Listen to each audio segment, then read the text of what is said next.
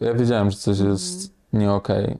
Nie do końca potrafiłem to sobie wytłumaczyć, no bo moja głowa latała tak często w różne strony, że nie do końca miałem czas zastanowić się nad tym, co się dzieje, bo cały czas musiałem funkcjonować w tym, w tym tornadzie, które się działo, co nie było przyjemne. A teraz w momencie, gdy mam dobrze dobrane leki, chodzę na terapię, to, to nagle jestem w stanie normalnie funkcjonować. Pierwsze, co powiedziałem, jak mi leki kopnęły, to to, że Boże, pierwszy raz położę się spokojny spać, że nie będę się leżał przerażony w łóżku, nie tylko tym, jak, w jakim stanie jestem teraz, ale z tym, w, jakim stanie obudzę się następnego dnia. I obudziłem się, pamiętam tego dnia, czułem się ok. I nie czułem się zbyt jakiś. To było dla mnie tak piękne. you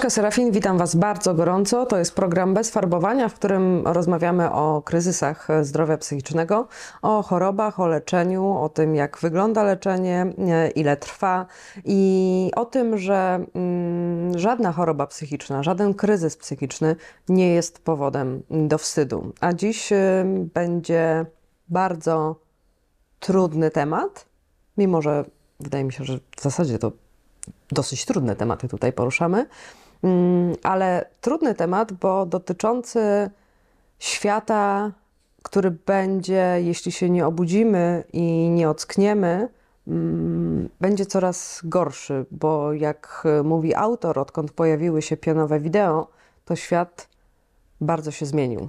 E, nie zostawaj influencerem. Janek Strojny. Napisał taką książkę. Widziałem ludzi, którzy dla zasięgów robili z siebie idiotów, porzucali swoje miłości i oszukiwali najb najbliższych. Bywałem na imprezach, gdzie cukiernice z kokainą przechodziły z rąk do rąk, a milionowe kontrakty dostawali tylko ci, którzy ćpali. Byłem po drugiej stronie świata, w którym influencerzy zdejmowali maski i wszyscy co do jednego wierzyli, że są bogami. Janek Strojny dziś w programie Bez Farbowania. Cześć. Siemano. Bardzo mi się e, mm, podobało to porównanie. Znaczy, bardzo mi się podobało to od razu, tak jak mówisz, chciała e, pochwalić taką sytuację, ale to mm, było bardzo w punkt. Oprócz tego, że w Twojej książce mnóstwo rzeczy jest w punkt, to, to było takie uderzające, że rzeczywiście odkąd pojawiło się to pionowe wideo, czyli odkąd pojawiło się wideo na TikToku, świat się zmienił. Tak było e, w Twoim życiu też, ale no jest coś w tym, że cholera, odkąd jest ten TikTok, jest inaczej. No, wydaje mi się, że wszyscy się jakoś dużo bardziej ścigamy w tym świecie nie tylko internetu, no bo kiedyś te materiały, które się robiło do obejrzenia, te 10-minutowe, bardzo często y, są tworzone tylko dla tych krótkich urywek, które wrzuca się na platformy, gdzie można oglądać pionowe wideo. O Twojej książce jest y, głośno i dobrze, że jest głośno. Zawsze jest dobrze, jako książce jest głośno dla autora, prawda? Tak. Ale jest y, głośno też y, ze względu na to, że bardzo szczerze opisujesz swoją sytuację, bardzo szczerze opisujesz ten świat influencerów, świat TikToka. Mówi się, mm, że pisanie jest takie terapeutyczne, że wielu autorów pisze i traktuje to terapeutycznie. Dla ciebie to było takie podsumowanie, spisanie tego wszystkiego było takim terapeutycznym podsumowaniem, czy trochę to było rozdrapanie tych ran jeszcze? Wiesz co, w ogóle ta książka jest pisana, mówisz, że ciężkie tematy mhm. poruszam, że jest mocna czasami. Ona jest pisana takim językiem, jakim ja rozmawiam z moimi znajomymi. I to jest książka, która nie zaskoczyła wielu osób, bo my rozmawiamy w taki sposób i też o rzeczach, które e, w tej książce opisałem. A czy była dla mnie formą terapii? No, formą terapii była dla mnie terapia, to, to na pewno, ale um, móc zebrać w głowie myśli, które chodziły mi przez w tym momencie, no to już będą ponad dwa lata, no to było na pewno coś szczególnego, co myślę, że nie mogło znaleźć się w jakiejkolwiek innej formie niż po prostu książka. No właśnie, bo to jest takie trochę mm, no, domknięcie, podsumowanie, przelanie tego wszystkiego na papier i takie... Ja na przykład jestem turbowzrokowcem i jak sobie spiszę, to, to urealniam, nie? Bo jakieś tam, wiesz, mam pomysły albo jakieś... E, nawet nie pomysły, tylko mm, niewygodne dla mnie fakty, o których sobie myślę, ale jak je spiszę, zobaczę i przeczytam, to nagle one zaczynają być realne, więc e, myślę sobie, że takie napisanie, podsumowania tego, to, co się działo, to jest dla ciebie takie trochę e, domknięcie, że zamykasz to i idziesz dalej? Czy ty już idziesz od jakiegoś czasu dalej? Czy to jeszcze jest ten takie pożegnanie? Nie no, to pożegnanie nastąpiło em, prawie rok temu, Em, a ta książka była pewnego rodzaju ostrzeżeniem dla osób takich, jaką ja byłem, zanim zacząłem tą przygodę z internetem, em, jako twórca. No dla takich osób, które po prostu siedzą w tym świecie i im się wiele rzeczy wydaje, e, że wyglądają w jakiś sposób, a wyglądają zupełnie inaczej. I teraz jest taki ten, ten, ten moment promocji książki, czyli takie no trochę to, to zwieńczenie, bo pisanie to jedno, ale tego jak nikt nie widzi, możesz sobie ją pisać przez miesiąc albo Mhm. przez 15 lat. Różnie jest. Teraz jest e, ten moment e, promocja. Ty zniknąłeś z social mediów. No, chcąc czy nie chcąc, pro, promocja wymaga tego, żeby, żeby trochę wrócić na chwilę do internetu i do mediów. Jak, jak się z tym czujesz, e, że z tym, z tym powrotem? Wiesz, że to jest na chwilę i, e, i masz to pod taką kontrolą bezpieczną, emocjonalną. Jak się z tym czujesz? Jestem ciekawa. Wiesz co, na pewno nie nazwałbym tego zwieńczeniem. Nazwałbym to e, przymusem i poświęceniem, które jestem w stanie wykonać, bo wierzę po prostu w ideę tej książki i chcę, żeby dotarła do jak największej ilości osób, a no, nikt nie będzie za nią stał murem tak jak ja sam. No więc to jest trochę taki koszt, który jestem w stanie ponieść. Mm, I nie, nie wiem, co więcej ci mogę powiedzieć. To jest jakby, ja to w ten sposób traktuję.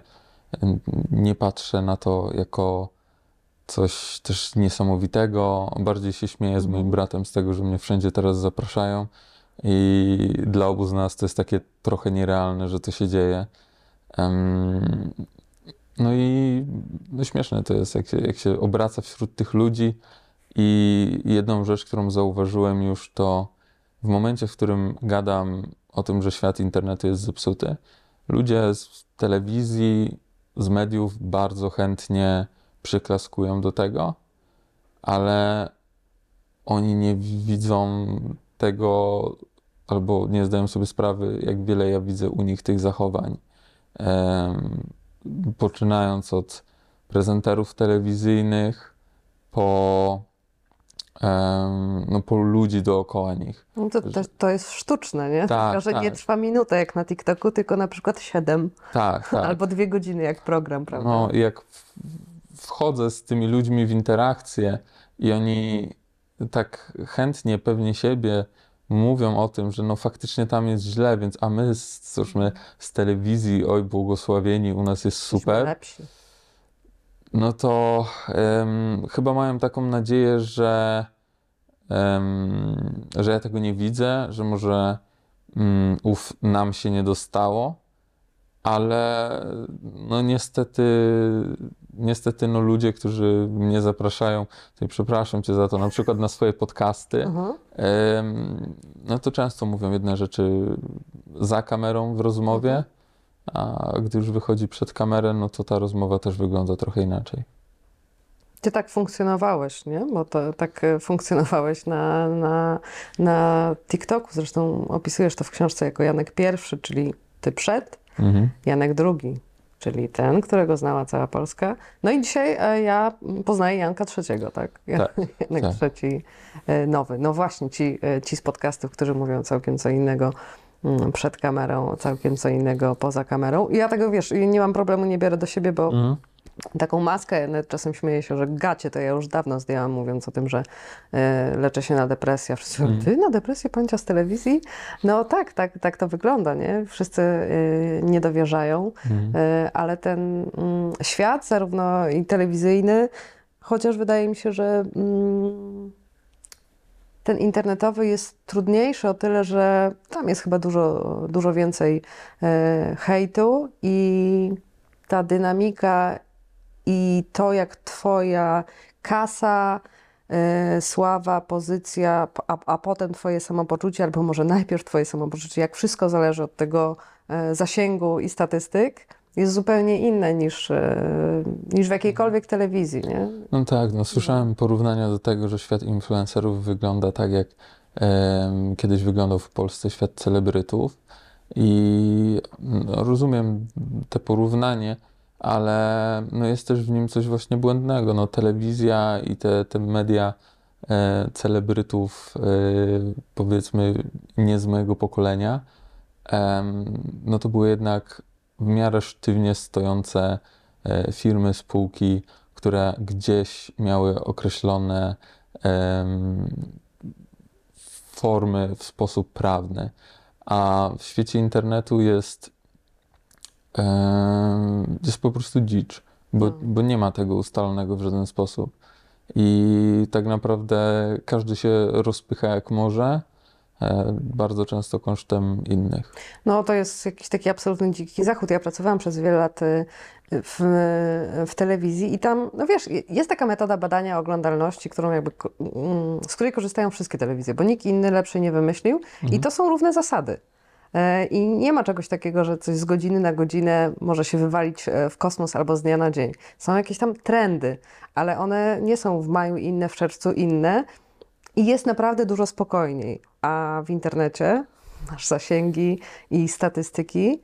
e, I to jest trudno, żeby um, utrzymać jakiś taki spokój i równowagę. Mówiłam Ci o tym przed nagraniem, ale jakby mm, mm, chciałam też o tym powiedzieć teraz, ile dla mnie Twoja książka mm, znaczy, bo moment, w którym ja ją e, czytałam, to jest taki, wiesz, moment, kiedy ja e, ruszam po raz kolejny z jakąś rzeczą, po trzech latach e, prowadzenia e, podcastu Farbowanie Życia, teraz ruszam ze swoim kanałem i wiem, jak, jak bardzo się tak umęczyłam sama ze sobą, trochę nie chcąc tego, trochę chcąc, mając, e, myśląc sobie, że dobra, to ja mam w dupie statystyki, ale nie mogę mieć w dupie statystyk, wiesz, i to są jakieś takie rzeczy, m, przez które ja bym najchętniej uciekła i, i poszła na pocztę, nie?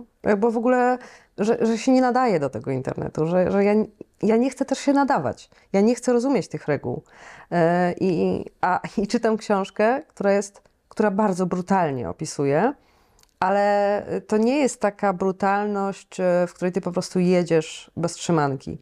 E, Ty miałeś w tym paluszku TikToka zasady, które tam obowiązują. Sam doszedłeś y, do totalnego profesjonalizmu w montowaniu rzeczy. Sam napisałeś w książce, że e, przeczytałeś bardzo dużo publikacji dostępnych na temat e, no, manipulowania ludźmi, e, czyli tego, jak wywoływać uśmiech i tak dalej, co, co się dzieje. Więc e, opanowałeś to do absolutnej perfekcji, więc ten, te, ta brutalność jest podparta Twoimi opowieściami, faktami, dowodami i. I to jest taka książka, która trochę nie pozwala zasnąć, wiesz, tak, tak spokojnie albo przejść obojętnie, że o dobra, wiesz, jakiś typek, typek napisał książkę, nie zostawa influencerem. No nie, to jest e, bardzo brutalne, mocne i potrzebne. No, a wracając do tej manipulacji, no tak naprawdę to jest metoda, żeby zaistnieć w internecie. Do momentu, aż nie umiesz manipulować widzem tak, żeby był przyklejony do ekranu, mimo tego, że dostaje różne powiadomienia i żeby je olewał, żeby oglądał ciebie, to nie masz możliwości osiągnięcia jakichś wyżyn. I no, ludzie, którzy wchodzą w to, nie znając się na tym, z takim nastawieniem, że świat będzie mnie słuchał, nawet jak nie mam nic do powiedzenia, no są ludzie, którzy po prostu mają jakiś dziecinny obraz tego w głowie. Em, jeżeli chce się na tym zarobić, no, tak jak ja chciałem, no to trzeba po prostu się doedukować i idzie co zrobić. W tym momencie, kiedy mamy te pionowe wideo, no to jest łatwiej tworzyć marki osobiste i tego typu rzeczy e, niż kiedykolwiek. Doedukować, ale y, Janek, ty, ty, mam wrażenie, że ty, doktorat z tego zrobiłeś niemalże, startując na tym TikToku. No jak, y, i, i, i, szkoła się pojawiła też, w której jak, Mhm. jak piszesz, to też jest nie- niesamowite, że tak naprawdę za dużo to się nie nauczyłeś, jeżeli chodzi o, o szkołę, no bo tak. sam się nauczyłeś więcej, y, doświadczając, nie? No, jakby ja jasno mówię, że social media są złe, Mhm. ale internet ogólnie uważam za coś dobrego. Em, I no, YouTube jestem takim pół na pół Mhm. e, miejscem, w zależności od tego, jak z niego korzystasz. E, no ja z YouTube'a korzystałem tylko wpisując rzeczy w pasek wyszukiwania i szukałem po prostu rzeczy o montażu, kręceniu. I tak naprawdę, no, gdyby nie to, że uczyłem się tych rzeczy z YouTube'a, nie siedziałbym tu teraz, bo to wszystko zaczęło się od tej pasji do tego montażu. No, a to, że no, poszedłem do szkoły filmowej i okazało się, że o kurde, no w sumie już to wszystko przerobiłem za friko na YouTubie, no to było sporym rozczarowaniem. Nie chcę e, zbyt wiele zdradzić naszym widzom, po prostu Was odsyłam do tego, żebyście e, przeczytali Janka książkę, bo wow, takie, e, tak myślałam sobie, Boże, jak tu, kurczę, coś mądrego, ci wszyscy ludzie, na przykład tak e, recenzenci mówią jakieś takie mądre rzeczy, że pochylił się nad tym i ja sobie pomyślałam, że mogę Ci tylko powiedzieć, o wow, że to tak, tak, wiesz, wali po oczach i E, Po psychice em, wali obecność na TikToku i korzystanie z TikToka i z mediów społecznościowych. Mm, Ale to, jak to opisałeś, co opisałeś i jak opisałeś, też wali po psychice i każe się e, zastanowić. E, Myślę, że też poleciłabym tę książkę rodzicom nastolatków na przykład, nie? W ogóle, żeby wiesz, jak, jak- my korzystamy z TikToka i tak dalej, ale mm, w tym y, programie rozmawiam przede wszystkim o zdrowiu psychicznym bądź o jego braku. E, I ty we wstępie już chyba piszesz tak e, mocnym językiem, że no, mm, zwariowałem, nie? Zwariowałem, trafiłem do, do psychiatryka. E, O tym chciałam porozmawiać, o, o tym, że mm, mm, zaczynając tę pracę na TikToku, zaczynając działalność na TikToku, ty już miałeś depresję, bo miałeś ją, jak piszesz w książce, zdiagnozowaną w wieku 14 lat. Mhm. 14 lat to jest taka ósma klasa podstawówki, nie? Tak, no. No, jakoś tak. 13 lat, tak, to jest ósma klasa podstawówki i, i piszesz o tym, że trochę nie pamiętasz nawet całej tej wizyty u psychiatry i tego, że to było takie mm, ogromne wydarzenie. Po prostu ci się wydawało, że te myśli o tym, żeby zniknąć i w ogóle e, są. Myślałeś, że tak wygląda życie? Wiesz co? ym, Taką naturę miałeś? Co, co to było? Ja niezbyt pamiętam, Mhm. jak to jest nie mieć takich myśli. Mhm. Nie potrafię się zbytnio cofnąć do momentów w moim życiu, gdzie, gdzie wspomnienia mm, nie łączą się z takimi myślami. No więc ta diagnoza no, była no, w tym momencie, to będzie już 10 lat temu. Em, ale to była i tak późna diagnoza. Problem w tym, że 10 lat temu to o zdrowiu psychicznym mówiło się bardzo mało. Tak. Em, ostatnio też zresztą, mm, nadal też jakby dla ludzi to, to nie jest normalne, że ktoś może być chory i często w momencie, gdy, no tak jak ja mówię na przykład teraz o książce, mówię o tym, jak to wygląda, e, argument y, twoi znajomi się o ciebie martwią, o twoje zdrowie, że coś znajomi, których nie znam. Jest ym, używany, żeby po prostu deprecjonować tą moją pozycję, co pokazuje tylko, jak bardzo ludzie nie boją się wykorzystywać tego jako broń w kierunku do osób, które mówią o tym otwarcie.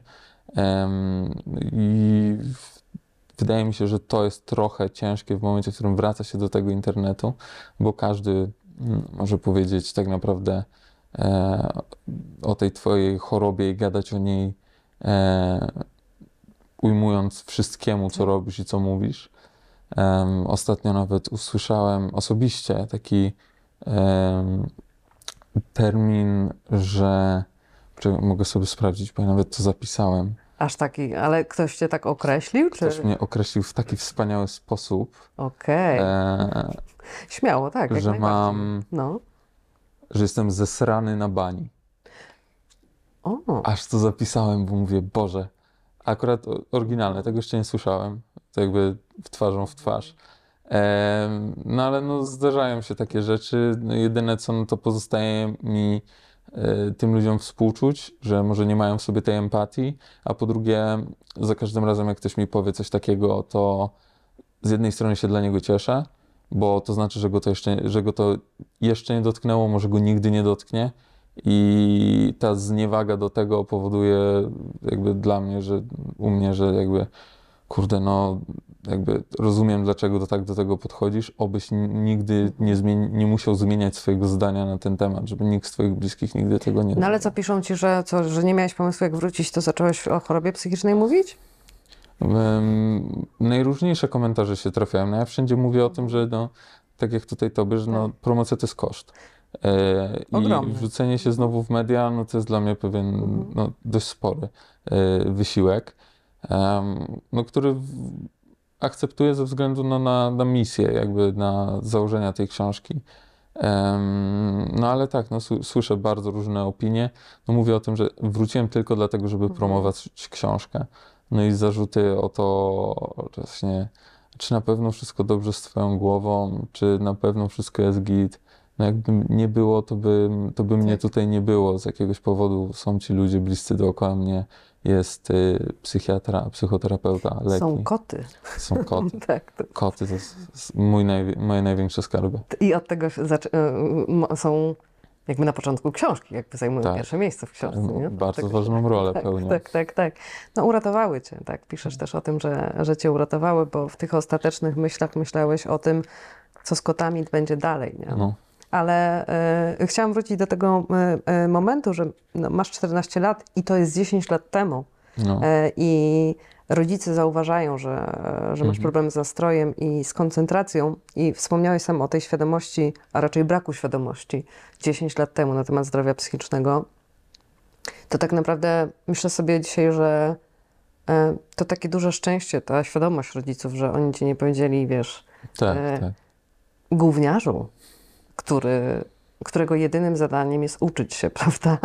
Albo że bunt nastoletni i tak dalej. Mhm. Jakby weź się w garść, posprzątaj pokój, srata tata i cała ta litania, tylko no, ten e, twój stan zaniepokoił ich na tyle, że trafiłeś do, e, do psychiatry, a nie po prostu dostałeś ochrzan, albo szlaban, albo coś, bo, bo wiemy, że e, tak to dziś potrafi też wyglądać, mylenie depresji z buntem nastoletnim, a jak to wyglądało 10 lat temu, to, to była mocna rzecz, ale mówisz, że mm, nie pamiętasz nawet tego takiego stanu, kiedy, kiedy było ok, bo wspomniałeś, że mm, od wieku 7 lat też już tak nawet się nie czułeś. e, No, dobrze. y, no jest takie zdjęcie w kuchni moich rodziców, gdzie jestem ja i mój brat. No nie wiem, czy ja mam nawet te 7 lat. Jak ja patrzę na te niektóre zdjęcia, to jestem sobie w stanie przypomnieć, co ja myślałem w momencie robienia tych zdjęć. E, I to nie były pozytywne myśli, to nie były myśli, które powinno mieć dziecko e, w, takim wieku. Więc no, towarzyszy mi to od bardzo dawna. Teraz w momencie, gdy no, jest to mm, już nie depresja, choroba dwubiegunowa, co w ogóle też jest używane jako argument, że jestem w manii podczas promocji. Mhm. Fantastyczne, jakby kto by się tego spodziewał. Jakbyś był w Mani, to byś te książki roznosił po ulicy, nie? Tak, tak, tak. To myślę, że byłoby serio gorzej. Tak, albo na przykład byś wydał ze 2 miliony złotych Mhm. na nakład, nie? To, to, to jest gruba mania. No. Tak, tak, tak. No też lu- ludzie nie do końca Tak. zdają sobie sprawę, co to jest. No, no ale no, życie z, tym, z tymi stanami Mhm. depresyjnymi no i uświadamianie sobie przez wiele lat, że to, że czuję się źle jest faktycznie nie okej. Em, tylko po to, żeby potem musieć sobie tłumaczyć, że jeżeli czuję się za dobrze, to też jest coś nie okej. I mm, no w tym momencie, będąc na lekach, funkcjonując na nich, e, nie potrafię odpowiedzieć na pytanie, co daje mi szczęście, ale ja wolę nie znać odpowiedzi na to pytanie, niż latać po, między stanami cały czas. I no, to jest taki koszt, który ponosi się żyjąc z tą chorobą, że te emocje to są w sumie płaskie, wyblakłe, nie do końca się je odczuwa, no ale też jak zaczyna się odczuwać nagle emocje, to, to to leci już w któryś stan, więc lepiej, lepiej żyć w tym takim szarym świecie. Em, To, że depresja e, przerodziła się u ciebie w tą chorobę Mhm. afektywną dwubiegunową, nie to było głupie, tą chorobę, w chorobę afektywną dwubiegunową, mm, to było spowodowane właśnie tym nasileniem depresji, bo to rozumiem, że wydarzyło się w, w czasie tego TikTokowego ciągu całego, tak? Że wtedy ci to przeszło w chorobę afektywną dwubiegunową? To mi przeszło pod koniec tego całego Mhm. ciągu. No i to był epizod depresyjny, który ciągnął się praktycznie dwa lata i, Epizod, który się ciągnął dwa lata. i praktycznie zjeżdżał Mhm. cały, cały czas w dół. Mimo leków? Byłeś wtedy na lekach? Okej. Byłeś Nie, nie, na- no niestety, e, no tak jak każdy, Mhm. jestem winny tego, że czasami się nie sięga po pomoc, Mhm. kiedy się powinno, czasami się to neguje, a czasami człowiek po prostu znajduje komfort w tym, że cały czas cierpi. I no to jest trochę taka rzecz w depresji. Ale ty cierpiałeś cały czas, bo y, też podlewałeś to bardzo mocno alkoholem i trawą. To były takie momenty, że nie cierpiałeś, rozumiem, że sobie Em. łagodziłeś tym, nie? To było tak, że Znaczy potem zjazd jest jeszcze większy, ale E, z, z- z ziołem to sytuacja Mhm. wygląda tak, że nie miałem pozytywnej jazdy, mhm. że to zawsze było torturowanie się psychicznie, żeby nie torturować się fizycznie.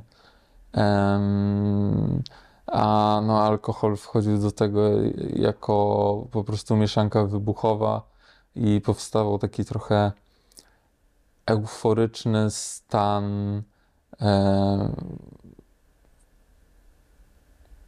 pff, jakiegoś smutku i żalu, że po prostu czułem nagle wielką potrzebę przeżywania tego dużo mocniej.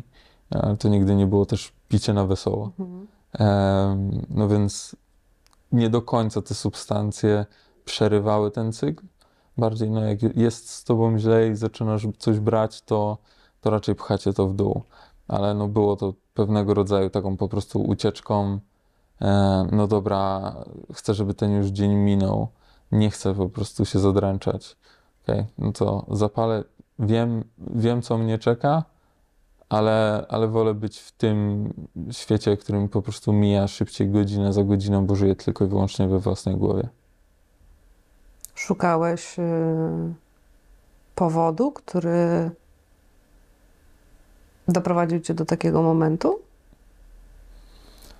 Tak, em, ale to zostaje jakby dla mnie. E, jestem bardzo chętny do rozmawiania o skutkach Mhm. tego, jak wygląda moja choroba, e, o tym, jak wpływała na moje życie, Mhm. ale granice wytaczam w miejscu, gdzie jakby trzeba rozmawiać o przyczynach. Jasne. Ale, ale znasz ten powód, tak? Tak, Już tak. y, jakby masz go Tak, tak. y, przerobiony, pod, No, dlatego- zrozumiany i tak dalej, i tak dalej. Dlatego no, jakby ta promocja faktycznie Mhm. się dzieje, dlatego siedzę tutaj, bo tak naprawdę mm, ten ostatni cały okres terapii, ten pobyt w szpitalu i wszystko, co się działo później, to było właśnie praca nad tym wszystkim, co mnie wprowadziło w tą, w tą chorobę dwubiegunową. Duże tam w tym wszystkim znaczenie miały te no, takie skoki y, i y, dopaminowe, ale też rozumiem dołowe. Cała sytuacja z TikTokiem miała w tym duże e, znaczenie, twoim zdaniem? Bo jak się tak żyje, wiesz, od y, y, okej, obejrzy się, czy się nie obejrzy, ludzie czegoś chcą, też opisujesz to w książce, że no, pojawiasz się między ludźmi, a byłeś tym Jankiem drugim na TikToku, luźnym, fajnym gościem. Mhm. Mm, Pojawiasz się między ludźmi, oni są, wiesz, nagle też rozczarowani, że herołka, Tak, tak. Em, w przypadku wielu moich znajomych, Mhm. z którymi poruszałem ten temat, zanim zacząłem pisać tą książkę, no zasięgi działają tak, że no, jak masz fajne wyświetlenia, to czujesz się lepiej, Mhm. jak masz słabe, to czujesz się gorzej. I u mnie działało to w ten sam sposób, tylko że no ja funkcjonowałem w, w depresji, więc w momencie, gdy coś mi poszło dobrze, to miałem ten chwilowy zryw nadziei, który bardzo szybko został prze, przez cokolwiek zburzony i, i to powodowało też u mnie pewnego rodzaju poczucie winy, że dlaczego poczułem się dobrze? Przecież to było oczywiste, że co zaraz wróci głupi ja. Więc taki mechanizm e, torturowania samego siebie u mnie był bardzo, bardzo mocno widoczny. No ale tak jak mówię, no, wiele osób, które znam z internetu, to nie jest rozmowa na zasadzie, czy to wpływa, tylko Mhm. jak. Mhm. I masa osób jest w terapii, jest na lekach, ale w życiu tego nie pokażą. Bo, bo nie, no bo to się nie sprzeda. Oni opierają na tym własne życie, więc nie mogą pozwolić sobie na bycie człowiekiem w oczach innych ludzi, co dotyka ich tak jak mnie w momencie, w którym wychodzisz na ulicę i ktoś cię spotyka. I, i słyszysz potem, że w internecie był zabawniejszy. Ty zacząłeś nagrywać e, w pandemii. Mm, Na wesoło. Dlaczego? Skoro już byłeś, e, byłeś w depresji wtedy.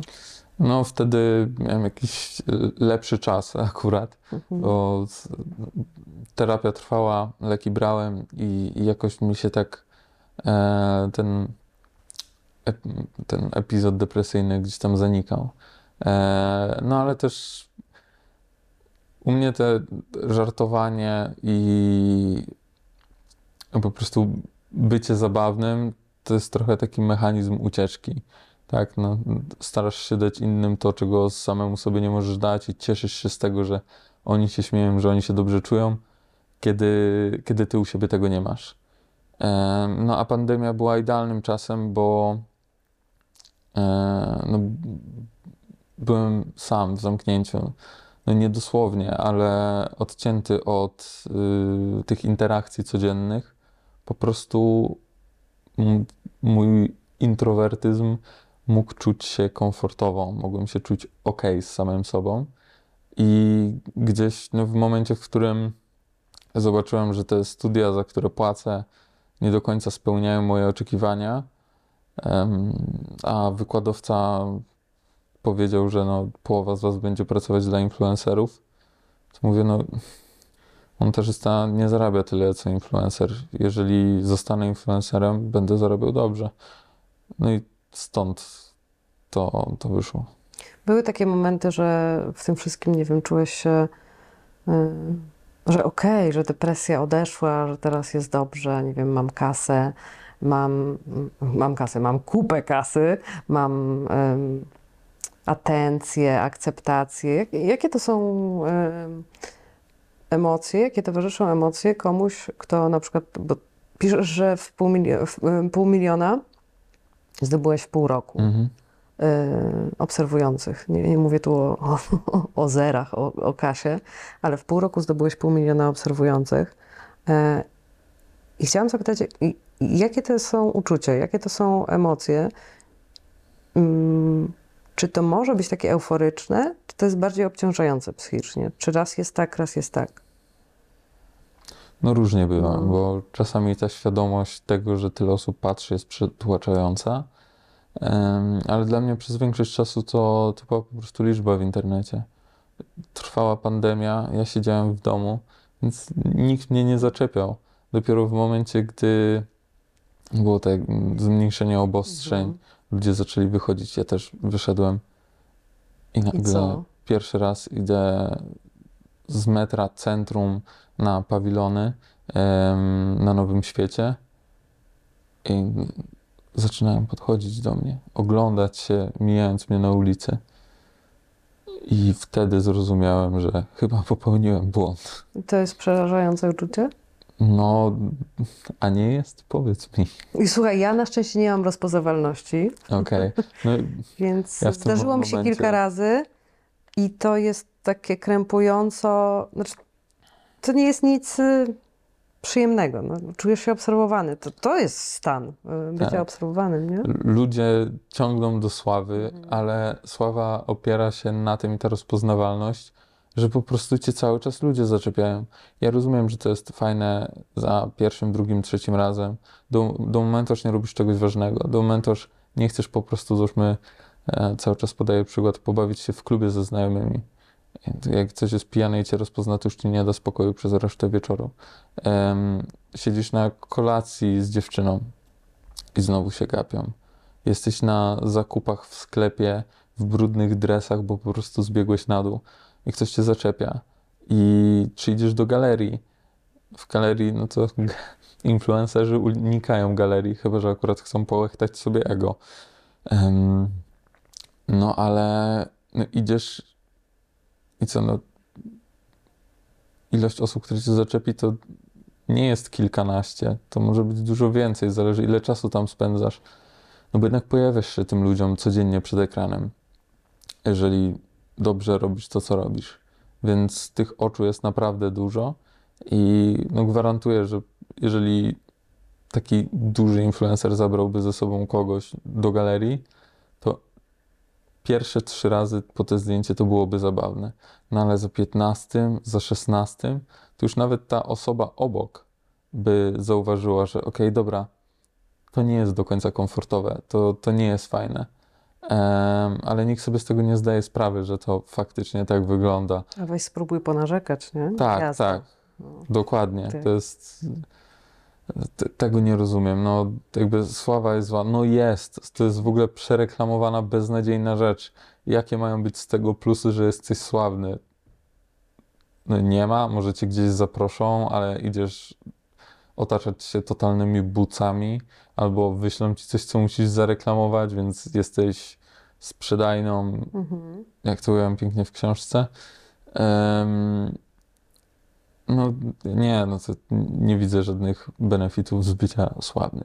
Jakieś m, były po drodze tego, em, tego TikTokowego, tej TikTokowej podróży były takie czerwone lampki, że myślałeś, że e, dobra, już coś, wycofać się, czy... Bo napisałeś te, takie wspaniałe zdanie, że m, taka relacja z aplikacją jest jak toksyczny związek i dopóki sam nie zrozumiesz, że w nim tkwisz i nie zrobisz e, czegoś z tym, to wszyscy inni, jak będą ci dookoła mówili, no to jeszcze będziesz bronić tego. Tak. E, Tak to niestety wygląda. A ty miałeś takie jakieś alerty, że już masz dosyć, oprócz, domyślam się, mm, nie najlepszej kondycji psychicznej i pogarszającego się stanu. Wiesz co, no miałem, ale dopadło mnie dorosłe życie i pewne niemieszkanie z Mhm. rodzicami, pewne obciążenia finansowe i w pewnym momencie już po prostu musisz w tym tkwić. E, No bo ludzie- też wydatki się zwiększają, nie? Tak, tak. Człowiek się bardzo szybko przyzwyczaja do wyższego poziomu dochodów. I myślę, że jeżeli ktoś by nawet dostał, załóżmy, przez 3 miesiące zarabiał 150 tysięcy, niewyobrażalna kwota. Mega się cieszy. Ale jeżeli czwartego miesiąca zarobi tylko 100 tysięcy, to już ma takie, ojej, okej, Mhm. coś jest nie tak. No ale jeszcze pół roku temu w ogóle by nie pomyślał, że można taką kwotę zarobić. Więc te przyzwyczajenie następuje bardzo szybko i na dużo więcej sobie człowiek pozwala. No, ale i, i ten przedział czasowy i dochodzenia do tych 150 e, nie jest jakiś taki e, duży, wiesz, że to nie jest po 20 latach pracy w Tak. firmie, nagle jestem już na samej górze i zarabiam tyle, tylko ten, te, ten skok jest też e, taki mm, no, hardkorowy, w sensie trudno się w ogóle jakoś tak w ryzach trzymać, żeby ci nie odwaliło, a potem jak jest mniej, to jest dół. Czyli te emocje muszą być strasznie skrajne. Nie, nie wiem i mam nadzieję, że nigdy nie będę musiała e, się zastanawiać. e, Zarabiać mniej niż 150 tysięcy. No, że no nie, nie chciałabym nigdy dużo zarabiać, bo to musi być trudne, nie? Zresztą nie ma tylu puzli, które mogłabym kupić za takie pieniądze, bo mnie tylko puzzle w życiu interesują. No. No tak, no, pieniądze szczęścia nie dają. Miałem pieniądze, szczęścia nie było sprawdzone. Mhm. Sprawdzone info. E, No. no, no. ym, no, no to takie dwa mity, które, które gdzieś funkcjonują, no ale tak naprawdę no jak da się być szczęśliwym bez kasy, bo się da, i jest dużo łatwiej wtedy człowiekowi w życiu. Jeżeli jesteście w stanie osiągnąć to, to te pieniądze już nie są potrzebne. Ty się czułeś uzależniony od, y, od liczby wyświetleń, od statystyk, od, y, od TikToka, od telefonu? W ogóle czułeś, że to jest takie uzależnieniowe? I jak to jest, jak się tak intensywnie pracuje y, w, Mhm. w takim medium społecznościowym? Czy to się da rozdzielić, czy to już y, ci się po prostu to, te, te, te dwa życia prywatne, z tym, ten Janek pierwszy z tym Jankiem drugim wymieszali się? Czy Tak. ty nie wiedziałeś, kim jesteś tu, a kim jesteś tam? Tak, kryzysy osobowościowe na porządku dziennym. no to występuje. No, mm, mało znam osób, w ogóle najbardziej lubię osoby i mam jakikolwiek kontakt z ludźmi z internetu, którzy są identyczni w świecie rzeczywistym. Ja ich tak lubię za to. Każdy, każdy ma jakieś swoje plusy, minusy, wady. Tak. Ale dla mnie to jest piękne, że oni są po prostu sobą. No, mają dość bujne osobowości, więc, więc ta charyzma gdzieś się wybija. Em, No i to jest super, ale wiem, że w momencie, w którym, no, tak jak ja, no, stworzyłem postać i tak jak em, inni tworzą te postacie, to no, wiem, że to może nie być łatwe. No dla mnie to nie było w momencie, w którym, no tak jak tutaj rozmawiamy, a zestawiłoby się to z jakimś moim materiałem sprzed y, roku, dwóch, no to to jest zupełnie inny człowiek, no ale to jest właśnie ta postać. I ludzie oczekiwali tej postaci, kiedy ja tą postacią nie jestem i nie byłem. To jest takie, mm, tak sobie myślę w ogóle, że ten, te, ten okres w życiu, czyli no zacząłeś nagrywać w pandemii 2020 rok, a mamy dwa, początek 2024, czyli to są no takie jakby, nie liczę tego 2024, czyli takie no trzy, trzy, ponad trzy lata, czy to już tak liczysz, że Mhm. i no to jest wejście w, w TikToka, bycie w tym, e, kryzys psychiczny, załamanie psychiczne, ym, krótki pobud w szpitalu, e, ale i potem powrót do życia, zmiana życia, to, to jest dosyć ym, krótkie. A ty dziś, e, mimo że w zasadzie to się stało niedawno, bo mówisz, że tam sprzed roku, Janek sprzed roku, coś takiego, jesteś, e, mm, takie odnoszę wrażenie, bardzo uporządkowany już z tą całą sytuacją. W sensie, czy ta terapia była tak e, intensywna, czy twoja determinacja do tego, że, żeby żyć i przeżyć była tak, e, tak duża? No bo wiesz, to nie jest takie łatwe chyba się wykasować e, z sociali, zmienić styl życia, zdecydować na to, że okej, ja jednak e, chcę inaczej, nie? Muszę inaczej, bo inaczej nie przeżyję. Mm, No w tym momencie mam już to wszystko poukładane, więc jakby em, z tą decyzją cały czas czuję się ok, jest mi z nią bardzo dobrze. I no w momencie odejścia już to było przewałkowany ten temat, już był z tak wieloma osobami i nikt nie potrafił mi podać argumentów, żeby z tym zostać nie było takiego argumentu, którego nie byłbym w stanie gdzieś obalić w jakiś sposób, czy uznać za mało e, znaczący. I wiem, że wiele osób nie wyobraża sobie wyjścia z tego, ale no, dla mnie teraz praca na etacie jest odpoczynkiem. Że ja pracuję, wychodzę, mam spokój. E, coś, co dla wielu osób jest ciężkie i jakby w pełni to rozumiem. Sam wcześniej, zanim byłem influencerem, też pracowałem na etacie i w różnych miejscach też różnie było. To teraz, znając już bardzo dobrze, dobrze może powiedzmy siebie z tą, z tą nową chorobą, w momencie, w którym znalazłem komfortową pracę dla siebie, to, to czuję, że odpoczywam. W dniu codziennym funkcjonując, jak większość osób, to czuję, że odpoczywam. A jak jest takim właśnie uzależnieniem od. y, Ja na przykład się łapię na tym i I robię sobie nawet nie to, że takie detoksy, ale pracuję cały czas nad taką no, higieną nie? Y, życia z telefonem, bycia z telefonem, Mhm. bo złapałam się na sytuację, że ja nie potrafię przeczytać, wiesz, e, tam dwóch czy trzech stron książki bez dotknięcia, sprawdzenia, że niby która godzina, stratatata, jak już dotknęłam, no to już odblokuję i tak, no po prostu jakiś kosmos. E, Wyłączyłam wszystkie powiadomienia, rzeczy, których nie muszę mieć w telefonie, też wywaliłam, Mm, ale wiem, jakie, że to nie było dla mnie takie e, proste, jak, jak zrzuceniem jakiegoś e, nałogu trochę, E, więc mm, jakie to było dla ciebie, takie, wiesz, wyjście z jednak z, e, no, z takiej mocnej substancji, jaką jest e, TikTok i internet. No, mm, Jak wygląda to odstawienie, nie? Dla mnie to wyjście było spowodowane, te usunięcie, no Mhm. wyjście nie, ale to usunięcie tych Mhm. aplikacji było spowodowane po prostu złością. Mhm. Zabiera mi to czas. Nie potrzebuję tego, że po prostu wściekłem, to wszystko usunąłem i przez to te pierwsze dni były łatwiejsze, bo wiem, że dla wielu osób to jest ciężkie, bo się sięga po ten telefon. Em, no ale jako, jakoś mi to wyszło i no jestem wielkim fanem po prostu usuwania social mediów z telefonów. Nie potrzeba tego. I też jak ktoś mówi, że no jest sobie w stanie to regulować, do pewnego momentu jesteś. Do momentu aż o tym myślisz, ale w momencie, gdy przestaniesz myśleć, myśleć o tym, że musisz to sobie regulować, to znowu wpadasz i przegrywasz. To są social media, to nie jest żywioł, to nie jest tlen. To są firmy zbudowane przez bardzo inteligentnych ludzi z masą po prostu pieniędzy, które są stworzone po to, żeby tworzyć jakieś uwarunkowanie emocjonalne, korzystając z tej platformy, żeby utrzymywać uwagę widza, żeby on w jednej chwili był przeszczęśliwy, w drugiej zdenerwowany, żeby wyzywał się z ludźmi w komentarzach. Ale my to nadal traktujemy jako dobro, bez którego nie da się żyć. Em, I wydaje mi się, że to jest bardzo duży problem, z którym trzeba uświadamiać młodych. No coś, co tak naprawdę ludzie próbowali robić od bardzo dawna, rozmawiać o tym internecie w sposób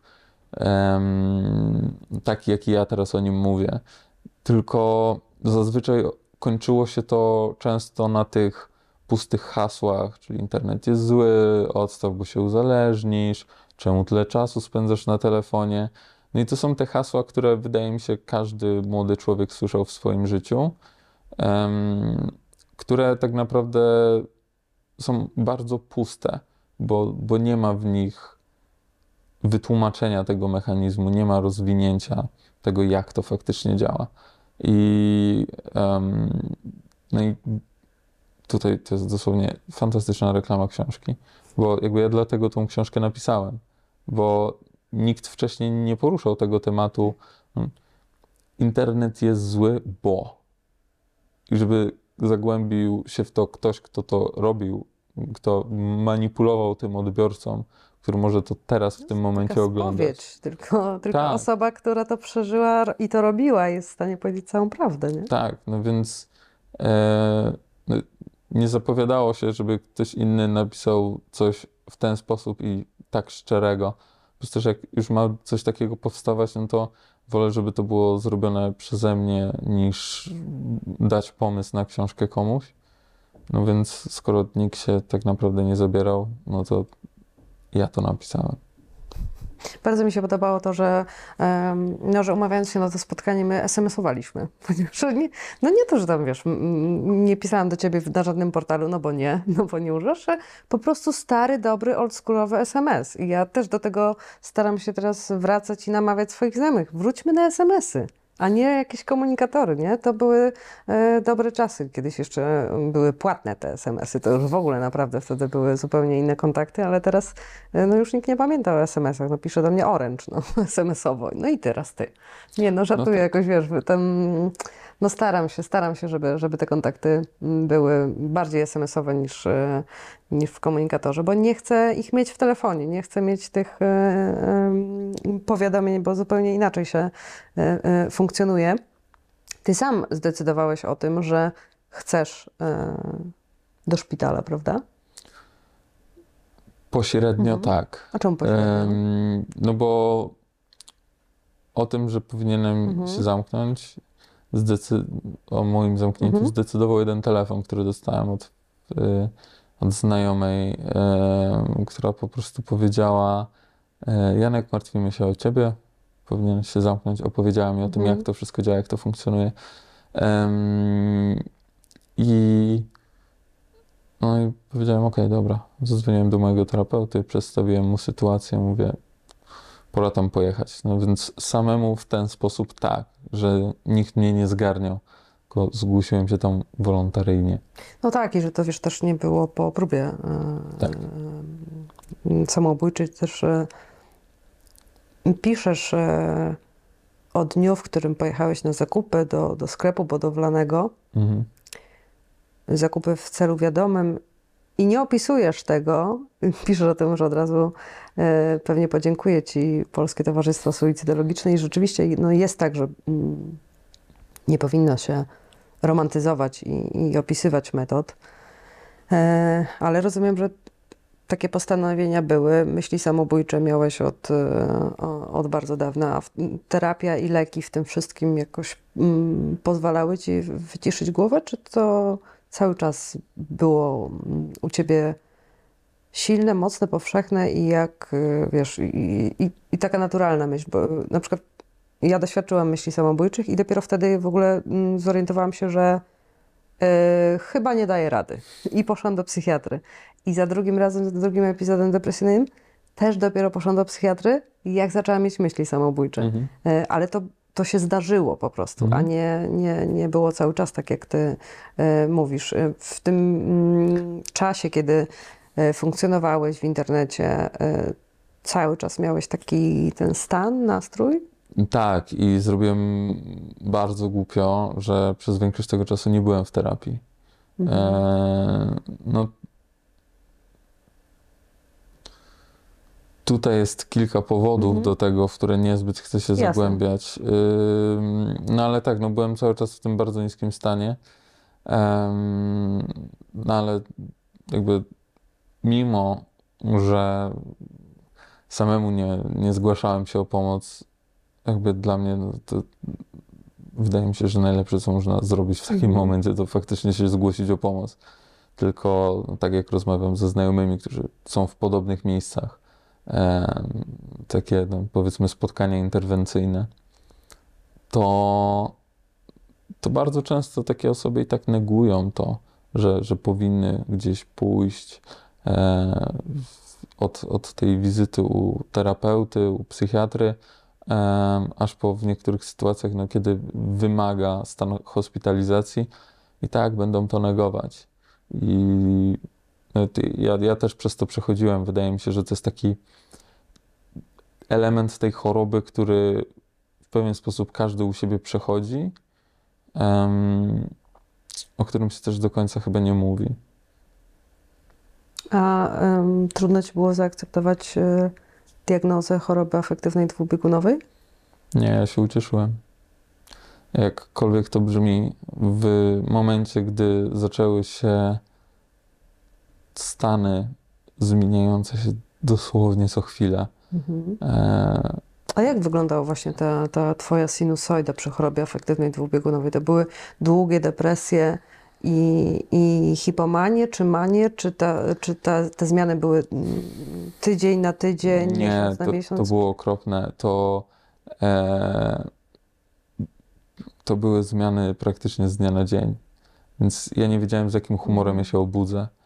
E, Czyli takie niemalże okołodobowa. Ta, Tak, tak, Mhm. że latałem cały czas między jednym stanem a drugim. Nie do końca wiedziałem, co się dzieje.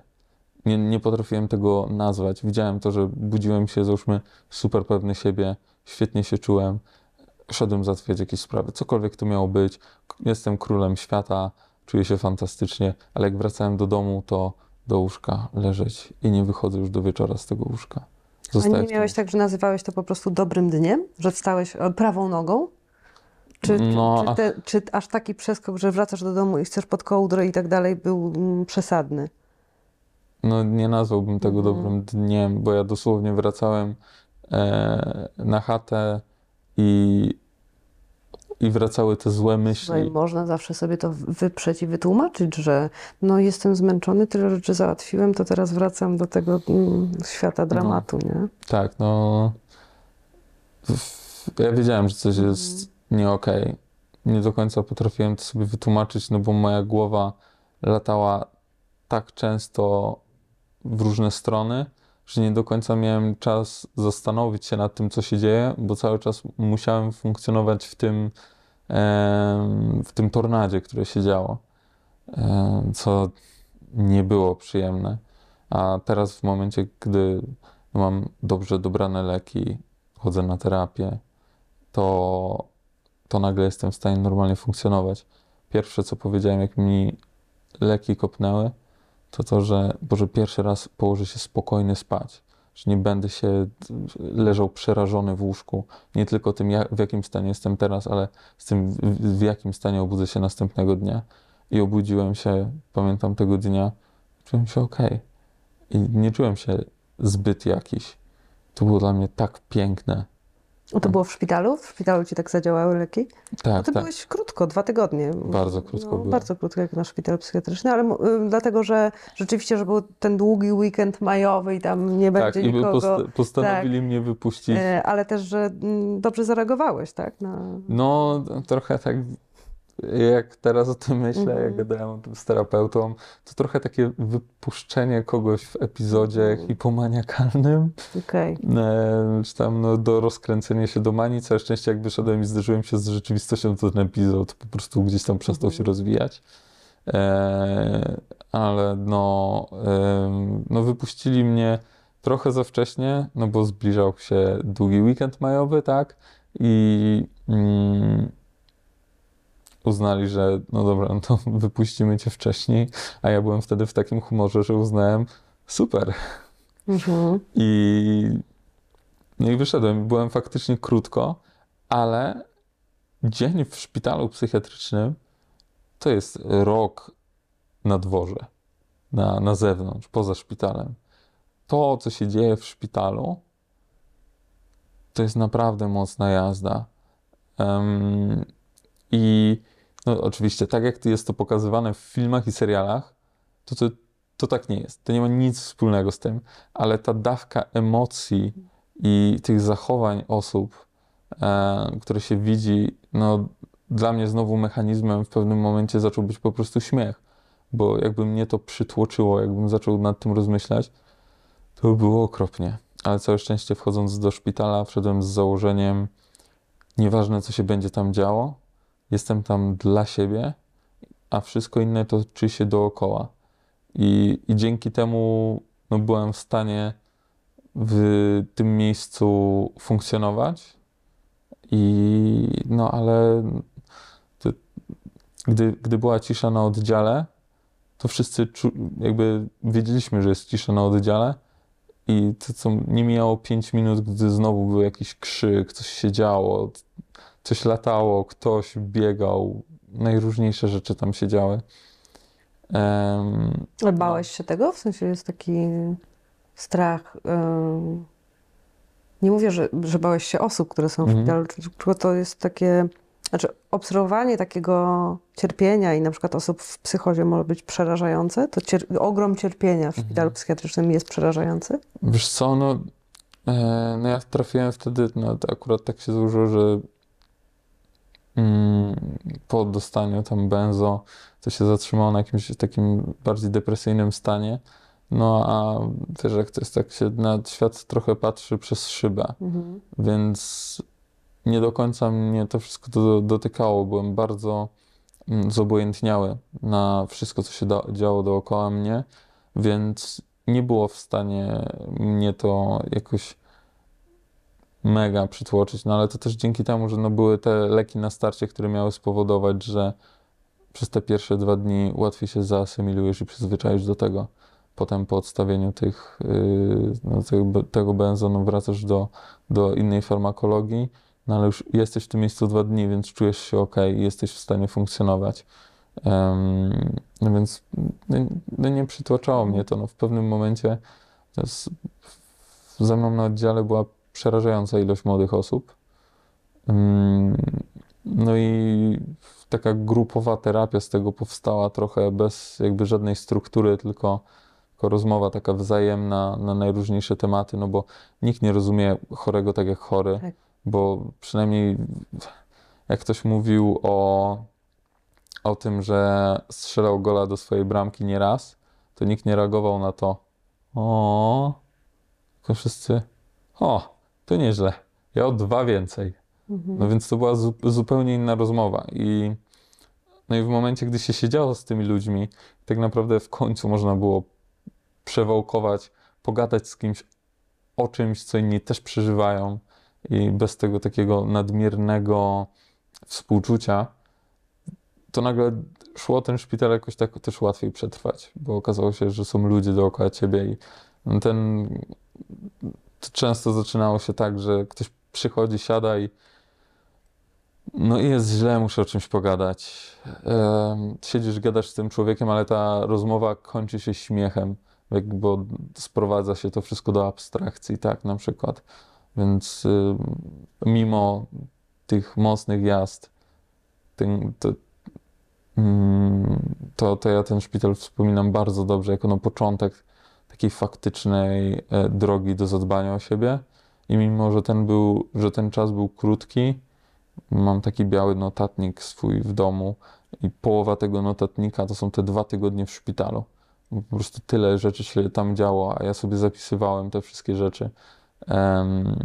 No więc krótko, tak. Bardzo długo też. No, a jak było, jak te drzwi się otworzyły? Bo wyjście ze szpitala to, to, nie było, to nie były drzwi do raju. Znaczy, wy- wyjście na ten świat realny, no, no, domyślam się, że nie był rajem. To było trudne, no bo jednak okej, jesteś, ym, zaczynasz być dobrze ustabilizowany, zaczynają działać leki, no i coś z tym życiem trzeba teraz zrobić, zmienić. No, em, ludziom w szpitalu mówiłem, że najbardziej boję się drzwi. Mhm. Drzwi, które prowadzą z oddziału e, Do świata? już do świata. I bałem się ich na tyle, że zapomniałem, że nagle przez nie przeszedłem, bo musiałem wziąć swoje ubrania z szatni, e, moje zwykłe, w których przyszedłem do szpitala, e, co, przez co musiałem wyjść przez te drzwi, których tak się oba, obawiałem. I dopiero jak byłem za nimi, to zdałem sobie sprawę, okej, jestem za nimi, to, to nie jest nic okropnego. No był strach, bo w szpitalu pierwszy raz od dawna poczułem się jakkolwiek ok i bałem się świata zewnętrznego, no bo on kojarzył mi się głównie z tymi niefajnymi stanami. Całe szczęście, że te, przez te drzwi szybko przeszedłem niezauważenie i, i byłem w stanie wskoczyć w ten świat rzeczywisty łatwiej. Em, Potem dostosowywanie się do funkcjonowania je- jak normalni ludzie, to zajęło mi naprawdę dużo czasu. Pierwszego dnia, jak poszedłem na spacer, nie pamiętam już w tym momencie, ile on trwał, ale on nie był długi, bulwarami wyślanymi. No fatalnie zrobiłem, bo była sobota, byli, był ludzi tłum, muzyka leciała z, baj, z, bar, z barek, Mhm. słońce świeciło, więc totalne przebodźcowanie po wyjściu po prostu z jednego korytarza, który był stały, w coś takiego. E, No ale to było coś, co większość ludzi robiła sobie normalnie, no bo szła z rodzinką na spacer. No i ja w tym takim zwykłym miejscu musiałem w pewnym momencie mówić sobie rób krok do przodu, wracasz stąd, jakby nie zatrzymaj się tylko, rób krok, jesteś w stanie dojść do domu. E, Bo mnie to po prostu tak przerastało, Musiałem potem resztę dnia, tam chyba od 12 czy 13 przeleżeć po prostu w domu i, i dojść do siebie po tym mocnym wrażeniu. Dzięki czemu udało Ci się z tego wszystkiego wyjść? Jak myślisz? Dzięki czemu, czy dzięki komu? Ciężko mi na to pytanie odpowiedzieć. Ale chęć życia wygrała? Co, co, co u Ciebie wygrało? Mm, No ja dużo ten fragment, yy, czy chęci do życia, no, człowiek z depresją i chęć do życia. No, no E, chujowo, ale stabilnie. No mniej No. więcej tak życie wygląda. No. E, więc to, to raczej było w pewnym momencie po prostu ogromna wściekłość. że nie no, to nie może tak wyglądać. Jakby, ja nie wiem, czy ja tu mogę przeklinać, Mhm. ale już sobie YouTube. po, podziękuję. W takim, już, jak już wytrwałem tyle bez, to, to będę kontynuował. Dobrze. Że Mhm. po prostu nie, nie zgadzam się na to, że za nic nie pozwolę, żeby to tak wyglądało. To jest nie fair, że to tak wygląda. Muszę coś z tym zrobić. I po prostu zrobiłem zwrot mojego życia o 180 stopni i teraz siedzę tutaj. Czego ci życzyć? A niczego. Żeby ta promocja szybko się skończyła. No tam nie mam czegoś, czego sobie życzę. Jakby jestem zadowolony z tym, jak, to wygląda wszystko teraz i nie mam jakichś wielkich oczekiwań. Gratuluję ci mm, odwagi, że zająłeś się sobą, że zawalczyłeś o siebie i swoje życie. Dziękuję za, za to, że napisałeś taką mądrą książkę. Dzięki. Dzięki.